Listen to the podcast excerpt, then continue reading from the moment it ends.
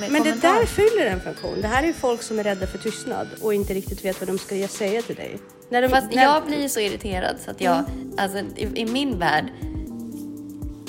Ja.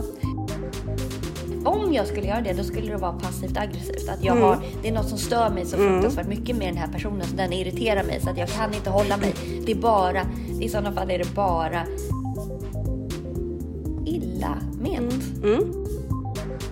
När de så tycker synd om sig själva och... Men har det att göra med att du själv är rädd för den svagheten? Alltså, för det kan ju vara Gud, ja. oftast när man blir provocerad. Ja. Eh, Och jag jobbar väldigt mycket med att inte bli så här slö. Bara, Ja, "Åh, det precis. så Och då är det ju väldigt mig." provocerande. Och att jag inte ömkar mig själv utan jag är så här, okej. suit up, gör din grej. jag har ju problem överhuvudtaget med att dela med mig av ofärdiga saker. Och jag tror att jag behöver det. Därför att det är väldigt svårt att leva ihop med en människa som vill bygga om hälften av lägenheten till en chinchilla-bur på 24 timmar. Alltså kommunikation. Antingen ska det ge någonting, att det är ett informationsutbyte Mm. eller så. Eller så är det ett bekräftelseutbyte. Och då måste man ju vara ärlig mot sig själv. Alltså varför kommunicerar jag? Är det för att bli bekräftad? Eller är det för att lära mig någonting? Eller för att komma vidare? Lära mig något om andra? Lära mig något om mig själv? Mm. Ehm, så att, eller är det bara för att det inte ska vara tyst?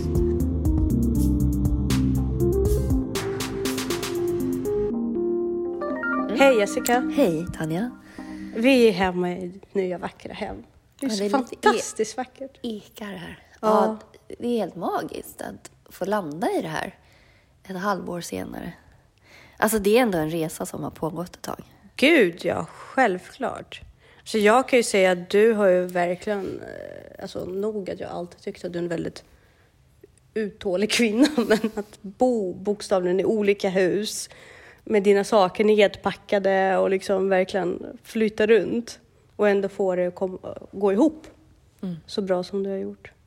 Ja, nej men det, det är ju självvalt. Det, Ja, men bara för att det är självvalt betyder inte att det varit optimalt, eller hur? nej, absolut inte. Men Så ge dig det själv... kunde vara vä- alltså det leder ju till någonting bra. Det har ju varit bra. Absolut. Det, har varit, det är rätt soft också att inte ha så mycket grejer att behöva bry sig om.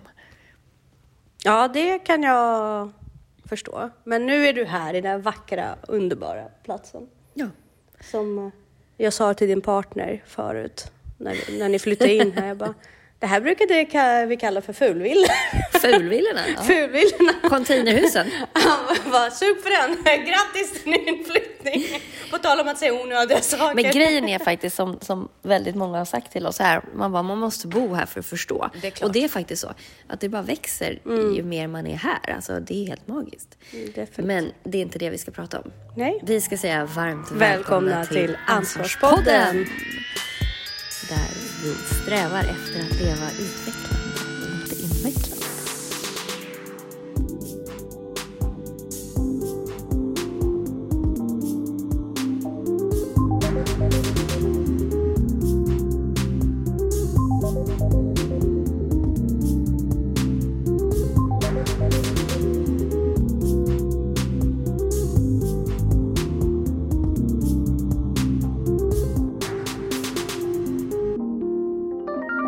Jag vill prata om provocerande saker idag. Ja! Alltså saker som provocerar mig. ja! Ja. Men vill du börja med det som provocerade dig här när jag kom? Nej men alltså en sak som jag har tänkt på väldigt mycket här nu senaste tiden, vad som provocerar mig, är för att jag förstår inte. Och då kan du förklara för mig, för det finns säkert en logisk förklaring eh, som jag måste bli mer ödmjuk inför. Men det här folk gör, att de håller på och kommenterar vad man gör. Alltså så här, man har som en egen det är folk runt omkring en som är liksom inte hobby-epidemiologer ska jag inte säga, utan hobbykommentatorer. Hobbytyckare. Alltså som talar om för dig vad du håller på med just nu. Ja. Så här, här, här kokar du te. Ja, lite så. Här bara, är du och kokar Som te. inte fyller någon funktion Men det kommentar. där fyller en funktion. Det här är ju folk som är rädda för tystnad och inte riktigt vet vad de ska säga till dig. När de, Fast när, jag blir så irriterad så att jag, alltså i, i min värld, ja, för mig, alltså antingen så blir det ju ett idiotförklarande av mig. Så här, ja, jo, jag vet att jag står här och te. Ja. Fast det handlar inte om dig. När den personen säger det Ja. så handlar det om att den tar upp plats. Och vet det inte riktigt ju vad den ska funktion. göra det med finns den ju platsen. bättre sätt att ta upp plats på. Som till exempel. Ja, men berätta någonting så här, åh, säg någonting annat, liksom så här, te. Alltså okej, istället för att bara, här står du och kokar te. Eh, Gud vad gott, men vilken smak är det? Eller, åh, har du smakat den här smaken? Den tycker jag är jättegod. Eller, Och då är Alltså, så man det finns något att prata, duktig. för du kan inte fortsätta prata heller. Nej. Det är, så här, det, är som en, det är som en stängd fråga, en stängd kommentar. Så här, här står du och kokar te. Ja. Men du vet, vi har ju barn eh, som vi lär saker. Ja. Och vissa ämnen är de jätteduktiga på. ja. Och förhoppningsvis blir de duktiga på alla ämnen. Men vissa ämnen är deras fallgropar liksom. Och du vet att, men du förklarar till det barnet, det är okej att du bara har G i det här ämnet. Det är liksom, det, du, du behöver inte ha större, alltså det, du gör bra ifrån det på andra sätt. Vi förstår att det här är svårt för dig, jobba med det, men det är också okej. Men också folk som, som ställer frågor och kommenterar saker som inte... Jag har ju problem med, jag har problem överhuvudtaget med att dela med mig av ofärdiga saker. Och då folk som kommenterar något som är ofärdigt är också väldigt jobbigt. Att, vi säger nu till exempel här att det är väldigt mycket möbler i vårt vardagsrum. Om du skulle komma in och bara så här, ska det vara så här mycket möbler? Det är det första jag sa. Nej, jag men, du sa inte, nej men du sa inte på det sättet. Men Ja. när man är mitt i ett flyttkaos. ja, Förmodligen inte. Och även om det skulle vara så, så hade jag ju kanske valt det då. Och då är det inte så himla snällt att, att kommentera det som en negativ... Alltså förstår du vad jag är Mm. Ja, ute jag efter förstår för typ av kommentarer? vad du är ute eller... efter. Det är de här kommentarer som inte fyller något som Nej. helst syfte, som är lite förbittrade och som är lite så här, men varför? Blir ditt liv enklare av vad du säger, de här sakerna? Man, blir- man blir så trött. Och det finns ju en anledning till det. Ett, Mm. majoriteten av människor, utifrån det jag förstår, Mm. analyserar inte sitt beteende lika nitiskt som du och jag gör. Nej men för grejen är ju att, att den här personen, jag kommer ju inte vilja dela någonting med Nej. den här personen för jag orkar inte. Nej, men berättar du det till de människor? För jag har, Nej. inte, jag har gjort misstaget att inte berätta det till folk, vilket har gjort Nej, jag att tycker- jag har sagt upp relation med väldigt Ja, många precis. människor. Ja. För att till slut har jag inte orkat släppa in folk i mitt kaos. Jo men, jo, men när jag kommer, frågar varför man, Mm. vad vill du? Eller liksom så här, varför, varför frågar du det? Eller varför så här, Då är du också en jobbig Nej, bitch. då blir de ju då blir de sura. Ja, precis. Då är du den jobbiga bitchen. Varför Ja. måste Nej, du vara jag, så känslig? Ja, precis. Om jag säger så här, men jag blir ledsen. Alltså jag tycker att det är jättejobbigt, jag vill inte prata om det här just nu. Ja, men då är det ju ditt problem. Varför Ja. är det så känsligt för det? Du har Eller mycket att möbler. jag är så här, ja, men, nej, förlåt, men jag har precis flyttat in. Kan jag bara få landa innan du börjar kommentera hur det är möblerat? Det är väl klart att det inte ska vara så här. Och då, och då är det så här, oj, hur är det med självkänslan vännen? Jag sa bara någonting när jag Ja. kom in här. Fast en jäkla otrevlig Ja. kommentar. Den Ja. lyfte inte och peppade inte och tillförde Nej. inte någonting. Nej. Alltså, men jag menar, det är därför man inte heller säger det till folk oftast. För att det får man höra tillbaka. Gud vad du är känslig, det går inte att prata med dig om någonting eller bla bla bla. Fast varför kom... Jag, för, jag, för, jag skulle aldrig göra så. Alltså kommentera någons på det sättet. Det kanske har jag har gjort någon gång ibland. Men då, om jag skulle göra det, då skulle det vara passivt aggressivt. Att jag Mm. har, det är något som stör mig så fruktansvärt mycket med den här personen. Så den irriterar mig så att jag kan inte hålla mig. Det är bara, i sådana fall är det bara illa ment. Mm. Om jag ska vara ärlig, om jag skulle säga fälla sådana kommentarer, det skulle bara vara för att markera att du Mm. har gjort fel. Men det du gör, det du lever utvecklande och inte invecklande. Så innan, när Nu du är det fång- jävligt invecklat. Jo, men alltså nej, för att när du fångar dig själv, det är ju den processen som vi med vår podd, podd, podd rys, lite ryss där, med, med vår podd eh, försöker starta den processen som är initierande. Varför? Men- Är du triggad av den människan skulle du fråga dig själv innan du fällde den kommentaren. Ja, men precis. Men Och jag då har ju då skulle du frågat mig bear- själv. Ja, precis. Och mitt svar är ju att, eller så här, varför? Jo, för att de vill bara kommunicera. Nej, nej. För att de är avundsjuka. För... Nej, det tror jag inte. Jo, men Alltså- alltså på något sätt är de det. Eller så är det så här, fast jag sa ju till dig att det inte skulle funka ihop med alla de här sakerna och se vad det är för öra nu. Och då är det så här, vad var det jag sa? Och då är fortfarande bitterhet. Mm. Att de inte kan släppa kontrollen. Eller eh, inte så otippad när man försöker få saker och ting att fungera när det inte ska fungera. Alltså det är alltid någonting där Mm. som de inte har fått utlopp för. Och de försöker ta igen det. Det är inte alltid kommunikation. Jag kan säga att T-frågan kan vara kommunikation. Om man, om, om, det händer så ofta om jag sitter i personalrummet alldeles själv, tittar på min mobil. Det är typ därför jag gärna inte går dit heller. Och sen så kommer någon in och så bara, här sitter du! Det har aldrig någon sagt till mig.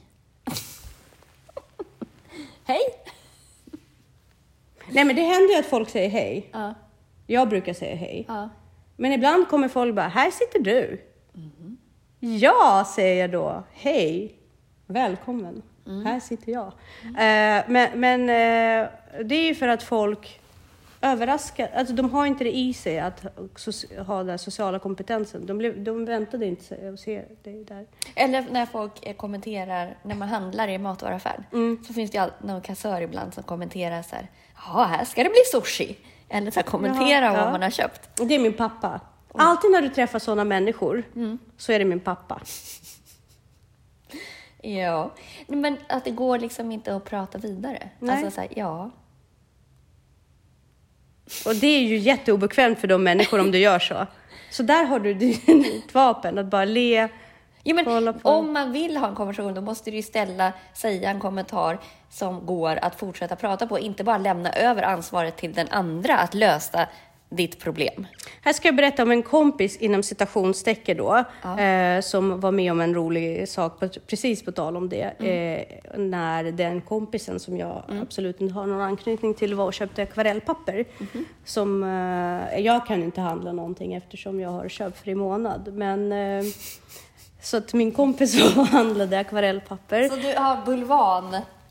Ja. Alltså jag kan ju säga att du misslyckas ju med din köpfria månad. Ja, ja, det var ju gått jättetråkigt till. Det är ett helt annat avsnitt. Men tillbaka till... Och så står det Tops Ja. eh, på Panduro Hobby på en, i en liten mugg Jaha. bredvid desinficeringsmedel. Och den här kompisen då bara säger så här. Ja, här kör ni med coronatest också. Som kompisen tycker det blir ganska obvious. Men då kollar den här kassörskan på min kompis och bara, vad menar du? Mm. Och min kompis bara pekar på några topsen Mm. och så bara, inget. Och så blev det så här awkward situation. Hon bara, tack och ursäkta för platta skämt. Ah, hon menar, och då, då kom det så här, ah, du menar det här var coronatest? Aha. Och hela den grejen blev jättekonstig. Men jag hade skrattat. Ja, ja men det, det förutsätter ju att man förstår skämtet. Men hela landet det- går igenom... Alltså det, det är ju konstigt också att ha tops. Jag vet inte ens varför de var där. Nej. Varför var topsen där? Jag En liten mugg på, kate, alltså på Ja, kassan. jag vet inte. Bredvid desinfekterings... Kanske ska desinfektera näsan och öronen. Men så förstår du? Så det var ju också så här... Ja, Tillbaka nej, till men- provocerande. Ja, Mm. Saker mer som provocerar mig. Och, Jag blir väldigt provocerad av oegent... Det är som folk som ställer frågor som de, helt ärligt, du kan räkna ut det där själv. mm, det är ju dålig social kompetens. Jo, men alltså så att man... Är det också att man vill kommunicera? Ja.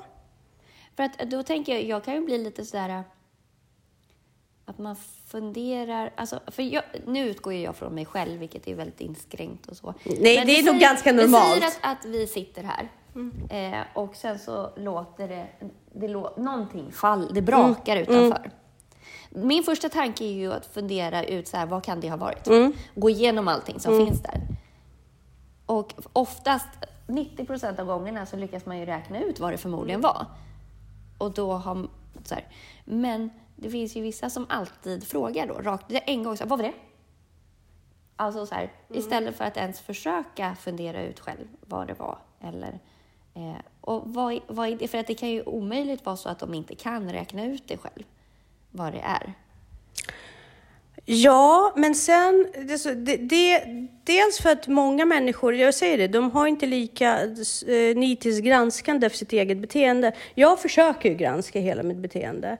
Och även när jag gör dumma saker så kan jag liksom i efterhand säga det här var det dumt. Alltså det är för att jag är så spontan och inte tänker efter. Jag brukar ju ha de processer i mig. Alltså jag har ganska bra så här reflektoriskt och bara, nej fan vad löjligt det där var ändå sådär.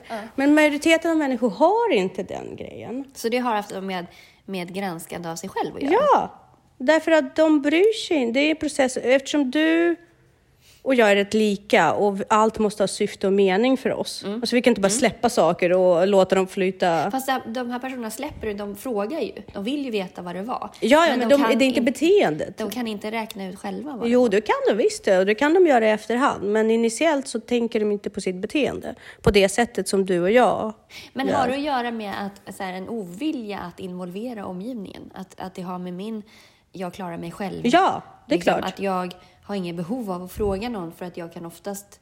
Men ja, jag har inget behov av att, att rådfråga folk om saker heller. Nej, precis. Och det är därför det faller ur det naturliga mönster med sådana saker. Eller att man går in och tycker någonting om ingen, nej, har, om ingen nej. har frågat dig. Då är det så här, varför ska jag tycka någonting om ingen har frågat? Om det, inte, alltså det är klart jag kan tycka en jäkla massa. Min pappa, min, min pappa, om, han går in i, om jag går in i hans rum Mm. och han har målat massa nötavlor och jag inte kommenterar dem. Mm.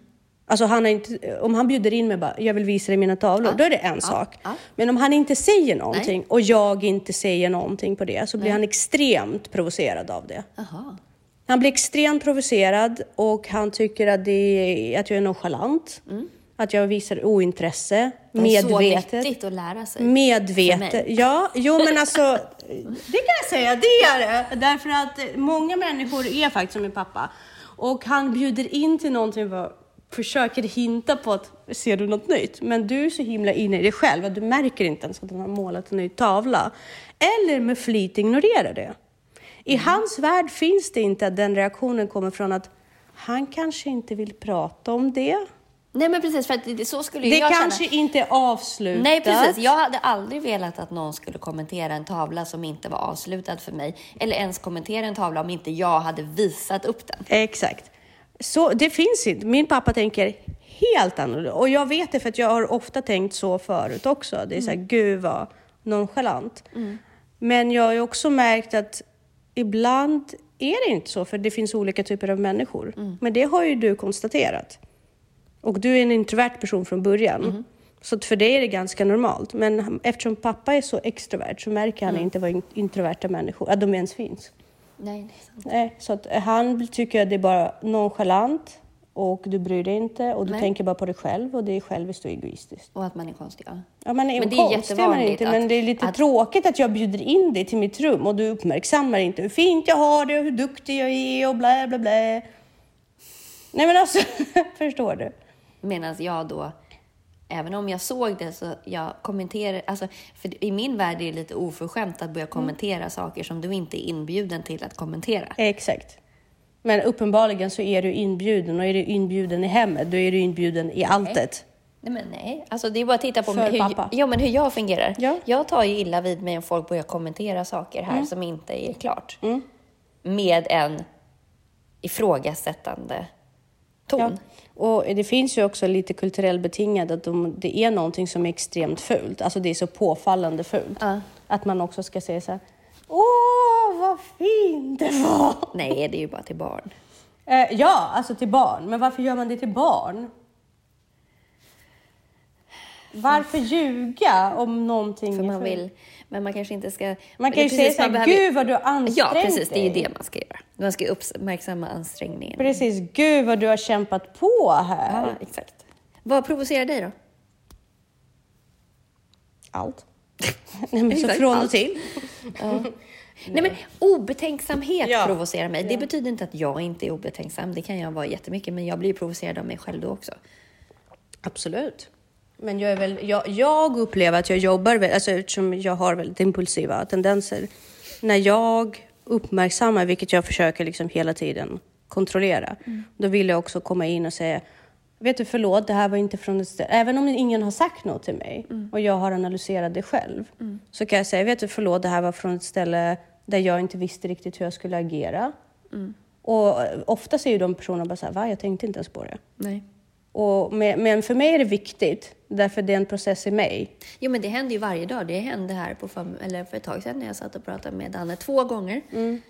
Sa jag saker som jag fortfarande har lite ont i magen för. Att jag var här lite oskön eller reagerade på ett oskönt sätt. Onödigt och oskönt. Och jag har fortfarande ont i magen för det.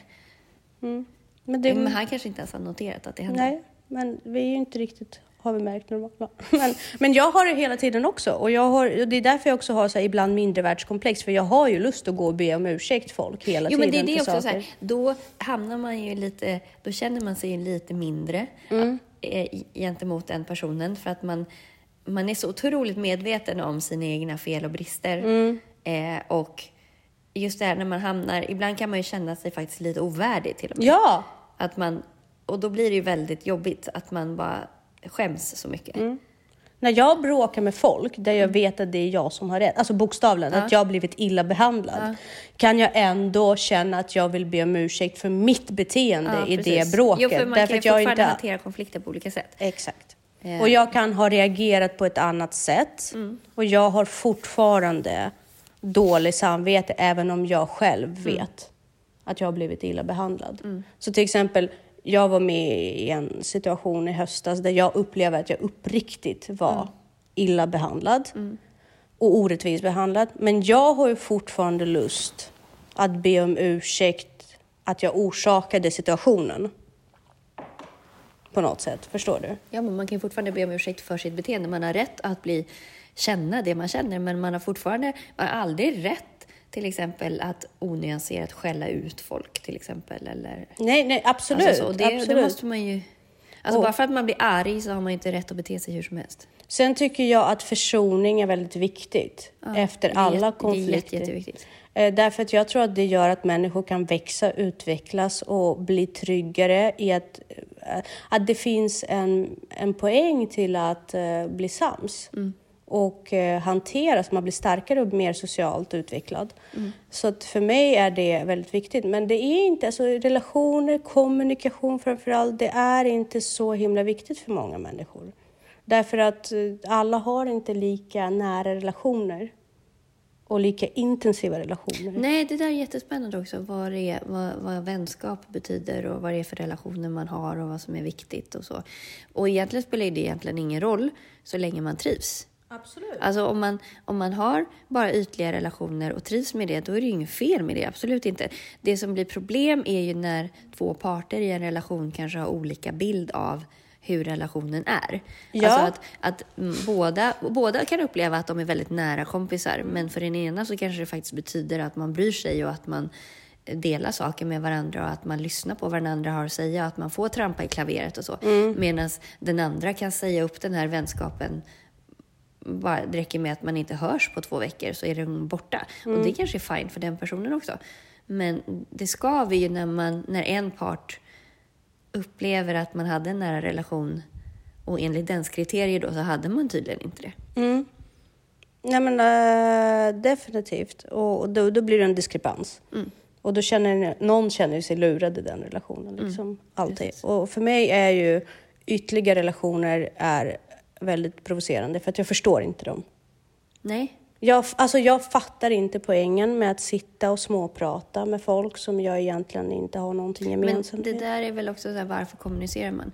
Alltså kommunikation, antingen ska det ge någonting, att det är ett informationsutbyte eller så, eller så är det ett bekräftelseutbyte. Och då måste man ju vara ärlig mot sig själv. Alltså varför kommunicerar jag? Är det för att bli bekräftad? Eller är det för att lära mig någonting? Eller för att komma vidare, lära mig något om andra, lära mig något om mig själv? Ehm, så att, eller är det bara för att det inte ska vara tyst? Precis. Och där är det ju provocerande för mig med relationer där som det inte bara ska vara tyst. Alltså, Sen så förstår jag att det finns som alla muskler som man övar och allting. Om man sitter och småpratar så bildar man ändå en relation med människor. Absolut. Om man gör det fem dagar i veckan på sin kaffepaus så blir det en relation vilket kan bidra till stämningen. I, men jag finner sånt dränerande. Därför att jag tar med mig de här sakerna sen. Jag kan inte ha den här, jag har inte den här spärren Nej. av att inte ta med det sen. Nej. Jag kan inte behandla människor objektivt sen om jag vet att de går igenom någonting tufft eller bla bla bla. Eller bla, bla. Och Nej. det blir väldigt jobbigt för mig. Ja. För då vet jag så mycket om alla andra på arbetsplatsen så jag kan säga, men den här har det här. Men hur har du tid att få reda på alla de här sakerna? Tid och tid. Alltså när får du reda på det här? Eh, jag sitter och jobbar och planerar i ett arbetsrum med andra. Jag har ju... Och de sitter och pratar. Oh. ja. Och jag, vill, jag har ju vid många Jag tillfällen... sitter inte på jobbet Nej, och jobbar så, nej. jag fixar inte det. Och jag har ju vid många tillfällen försökt att eh, bli ensam Mm. och få en egen plats. Och liksom verkligen, eh, men det blir ju också väldigt fel, för då tror ju folk att jag inte vill vara med i sammanhanget. Nej, men grejen är att man är där för att jobba. Ja, men det sociala är en del av arbetsmiljön tydligen. Och typ som att gå ner till personalrum. Alltså jag ska, i, I min perfekta värld då hade jag tagit med mig en liten espresso-maskin och gjort mina egna Men det får du kapslar. ju nu när det är corona. Jo, nu. Men jag menar, alltså, men det har ju varit väldigt sådär, men det ska vi inte göra. Sånt är inte bra. Nähä. Utan det ska man ju, man ska ju sitta i personalrummet och fika allihopa tillsammans, för det är gemenskap. Men jag kan ju sitta där och jobba också faktiskt. Men då ser ju folk oftast att man jobbar så då stör de ju inte. Eller så kommer de och säger. Jag tycker inte man blir så drabbad av, jag vet inte. Sen kan det också ha att göra med att lärare jobbar inte tillsammans på samma sätt. Nej, Ni, är inte, ni jobbar inte tillsammans på golvet. nej. Fritids jobbar ju tillsammans på golvet. Mm. Och vilket gör att vi är ett gäng. Vi är inte själva. Nej. Vilket inte passar mig så fruktansvärt bra. Därför att jag, jag, lägg, alltså jag blir ett med laget på en emotionell nivå. Ja, Vilket äter upp mig. ja det Jag har jag. inte den här balansen. Nej. Jag, det är något jag jobbar med och försöker stärka upp. För jag fattar ju liksom att man, man ska nog besitta den egenskapen och bli bättre på det. Men jag har inte den. Nej, precis. Eh, Och jag har inte fått lära mig det heller. För mig är det ganska viktigt med lojalitet. Mm. Och den, den lider jag av ofta på arbetsplatsen.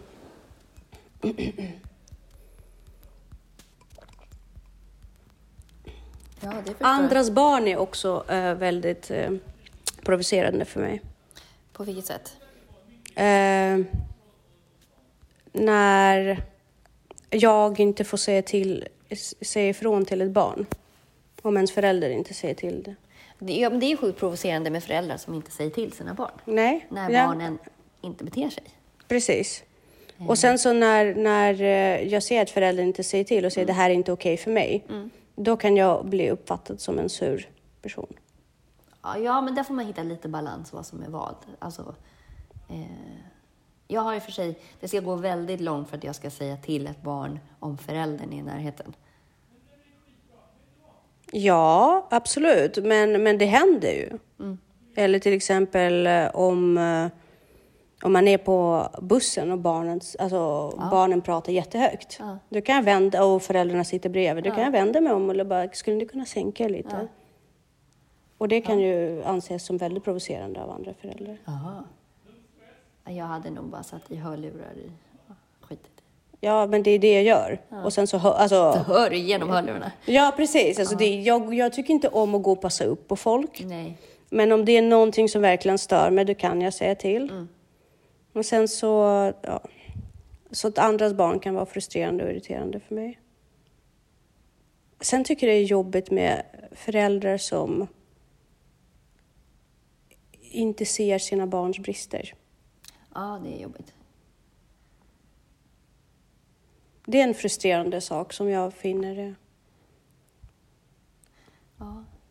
Å andra sidan så tycker jag det är väldigt uppfriskande när folk säger till mig på ett konstruktivt sätt vad som är fel med mig, enligt dem. Ja. Om man, alltså, all kritik som man är beredd på är ju, men alltså oombedd kritik, för det kan ju landa helt fel. Ja, alltså man ska ju kunna göra det. Man ska inte se det liksom bara så här. Vet du vad jag har tänkt på? De här sakerna stör mig med dig. Nej. Utan har du tänkt på att... För jag, jag gjorde en jättetabbe som jag faktiskt har bett om ursäkt för med min partner eh, nyligen. Där jag bara, fast det här är inte okej och det här är inte okej. Hur lever du ditt liv egentligen? Oj. Ja, bara, varför lever du i en ständig eh, kris för förändring? Och varför, varför är det så jävla jobbigt? Vill du inte ta och analysera lite? Ja. Så det kom ut så väldigt som kritik. Vart på i slutändan av det här samtalet eh, så sa han så här att eh, Finns det något som jag gör rätt här i livet? Liksom väldigt lugnt och betänksamt. Bara, bara, liksom, vart kommer det här? Jag bara, vet du, efter ett tag, jag bara, vet du, jag var nog bara Hemskt. frustrerad och det är många faktorer som jag, jag borde ha sållat ut. Men det där är ju väldigt viktigt, för det där har jag också frågat en partner faktiskt som eh, just så här, men vet du, eh, varför är du tillsammans med mig när allt är fel? Alltså jag skulle aldrig vara tillsammans med någon som jag tycker och tänker sådär, eller som jag har så mycket problem med som du har med mig. Samtidigt som personen i nästa andetag liksom så här, tycker att man är världens härligaste. Man bara, fast det är något som inte stämmer. Precis. Alltså, sen så är jag ganska hård och krass. Liksom. Jag skulle faktiskt verkligen aldrig vara tillsammans med någon som det skaver med. Nej. Eh, det är inte jag. Jag, Nej, alltså, jag har ganska låg tolerans för eh, skav. Ja, Eh, för att det, en relation ska ju vara, det ska ju vara tillföra. lätt. Det kostar så mycket i alla Ja, fall. ja, men precis. Det, det har vi pratat om Mm. förut. Det kostar så mycket att vara i en relation. Så att om, det går ju inte om det skaver. Alltså det, då finns det ingen anledning att vara i en relation. Nej. Eh. Men, men där var ju jag väldigt oskön. Ja, det lät lite oskönt. Ja. Nu vet jag inte hur det... Nej, det var, det var inte bra. Men, eh, och då, för jag har ju väldigt svårt med när, när folk inte kan... Vad heter det? Di, disciplinera sig själv. När de så tycker synd om sig själva. Och, Men har det att göra med att du själv är rädd för den svagheten? Alltså, för det kan ju vara Gud, ja. oftast när man blir provocerad. Ja. ehm, Och jag jobbar väldigt mycket med att inte bli så här slö. bara, Ja, "Åh, det är precis. Och då är det ju väldigt mig." provocerande Och att jag inte ömkar mig själv, utan jag är så här, okej. suit up, gör din grej. Så här ska det, det här är ansvarslöst, man måste göra bästa av situationen. Alltså verkligen så här jobbar hela tiden med mig själv mentalt. Och så kan någon bredvid mig bara, nej, synd om mig. bä." Man bara, okej, jag kan tycka synd om dig, men vad tycker vi synd om egentligen? ja, men det har ju med ansvar att göra i slutändan. Ja, offer. och det är ansvarslöst beteende. Jag kan säga så här, du kan få en kram, Mm. du kan få en klapp på axel, vi kan hjälpas åt. Men sitt inte och bara älta för ältandets skull. Det är sjukt provocerande. Exakt. Men eh, så att det, det är folk som klagar på sina problem och inte samtidigt löser dem. Men det kan ju vara ett sätt att ventilera också och kanske be om hjälp, tänker jag. Eh, men då när man försöker hjälpa, att de har alltid bara fel då. Så här, nej, nej, nej. Men det kanske är en del av fas. Jag tänker att det kanske är en del av problemlösningen. Alltså att man först ser problemet och sen så börjar man ta in andras åsikter men man är inte riktigt redo för det än så då säger man emot fast det ändå det landar där inne på något sätt. Tänker jag. Ja, förhoppningsvis. Det är ju så ofta med till exempel Viktor. Att han säger nej, Mm. men det är bara för att bromsa Ja, men det är automatiskt nej-sägare. Exakt. Det är bara för, egentligen säger han så här, vänta jag hänger inte riktigt Exakt, med. Jag måste exakt. få tid att tänka. Exakt. Och jag har ju inte det tålamodet. Då är Nej. han så här, en hand i ansiktet. Men kan han inte bara försöka uttrycka sig annorlunda och säga bara det så här. Det låter jättebra, låt mig få tänka. Jag måste bara landa i det. Jo, absolut. Men För att det skulle han ju ha nytta av, för att hälften av grejerna, om du får höra det, skulle ju du släppa då också. ja. Om han bara säger det, drar ut på det två veckor, då har du släppt det. Eller så kommer jag på det på i väldigt opassande ögonblick. Och bara, Ja, men jag tror att du, vi- du vill inte tänka på det. Du vill bara att jag ska hålla käften och släppa det senare.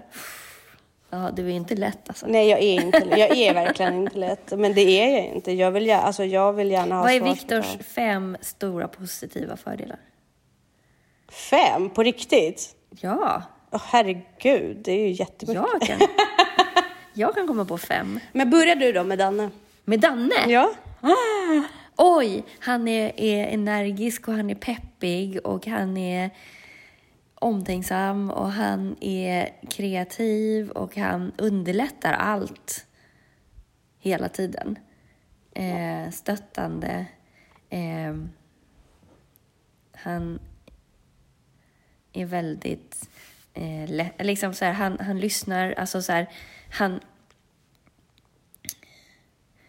han är inte rädd att överväga saker eller tänka om. Mm. Ehm, nej men alltså det finns, alltså det är inte många fel han har. Nej men han har inga fel. Eller liksom alltså det, Nej, jag tror inte att Viktor har så många fel heller. Det handlar bara om att... Alltså det, det är inte felen. Det är mer så här, vad uppskattar man och vad uppskattar man inte? Och jag uppskattar att han är pålitlig, lojal, mm, inne för det långa loppet, stabil. Det är liksom Hon är väldigt stöttande. väldigt stöttande. Väldigt förstående. Ja. Extremt förstående. Jag har, jag har ju inte ens tiondel av det tålamodet Nej. som han har. Många gånger tror jag det handlar om att jag gör saker så fort att han hinner inte ens upp. Nej. Han bara tar ett andetag och sen är allting över. Ja. Man bara, "Jaha, vad bra det blev bra för dig liksom. Men, men de saker, att han, är ju, han besitter ju alla egenskaper som jag jobbar med egentligen. Ja, men det är väl det att man kompletterar varandra. Ja, Eh, det, det tror jag nog. Jag tror att, eh, i och för sig, Danne och jag kompletterar... Jag vet inte om vi kompletterar varandra så mycket i det sättet. Eh, jag uppskattar ju med honom att han har ganska högt tempo. Och det har jag också. Och jag kan inte vara med folk som inte har högt tempo. För det provocerar mig. Långsamma människor provocerar mig väldigt, väldigt mycket. Så att jag har väldigt svårt att leva med folk som är långsamma. mm, Eh, sen är han lite fipplig. fipplig? Ja. Do tell more. Nej, men han, han eh, så att är lite omständig ibland när han ska Ja. göra saker. Eh, men han är väldigt snabb att starta projekt och han tar tag i saker och sånt. Det gillar jag. Ja, det är skönt. Och det behöver jag, för att jag kan vara lite långsam och, sätta igång med grejer. Mm. Alltså att, Och han är den som säger, okej nu åker vi till Bauhaus. ja, ja, Okej, ja. ja. Det är skönt. Eh, Jag så tror att eh, det är nog ganska bra för mig att Viktor är mer så här, vi ska åka till Bauhaus, kan Mm. vi bara vänta i tre dagar? Bara så du, allting landar. Att, ja. Och jag tror att jag behöver det. Mm. Därför att det är väldigt svårt att leva ihop med en människa som vill bygga om hälften av lägenheten till en chinchillabur Aha. på 24 timmar. Ja, men du, du, du får inte åka till Bauhaus förrän du har din ritning klar och inköpslistan och exakt vilka. Det där är det måste jättefrustrerande att jag bromsas. Fast det är inte, alltså, är det inte mer frustrerande att du kommer tillbaka från Bauhaus och så har du glömt tre grejer? Jo, absolut. Ja. Men i mitt huvud är det det är ju Eller att det du har jag- köpt grejer som du inte behöver? Jo, absolut. Och det är ju det han är, varför vi har pratat om en chinchillabur, för det är ett projekt som jag här gladeligen presenterade när jag kom hit, för jag ska bygga om typ en fjärdedel av lägenheten. Nej, men lite mindre. Men, men, men Viktor säger så här, ja, men det måste ske på ett ansvarsfullt Ja, sätt. exakt. Och det är väl vettigt? Absolut. Men det som jag blev frustrerad över det är att han, hans ingång är att mitt sätt inte är ansvarsfullt. Bara för att tanken kom på, bara för att jag kom på tanken fort Mm. så betyder inte det ansvarslöst. Det är väl lite det. Men om du vill åka till Bauhaus idag så är det lite ansvar. Ja, ja, absolut. Jag håller med. Ja. Ska vi eh, stänga boxen här för provocerande saker? Provocerande. Det finns så mycket provocerande, men ja. Eh, Så vi behöver jobba med eh, tolerans här. Du och jag behöver jobba med tolerans och andra behöver faktiskt jobba med att ifrågasätta eh, varför man säger vissa saker. Ja. Bara sluta prata, ordbajsa, sluta med det. Underbara människor. Eller något. Effektivisera. Ja. Utvecklande, inte invecklande. Kom igen för fan! ja. Nej, men vi säger tack och hej. Tack och hej.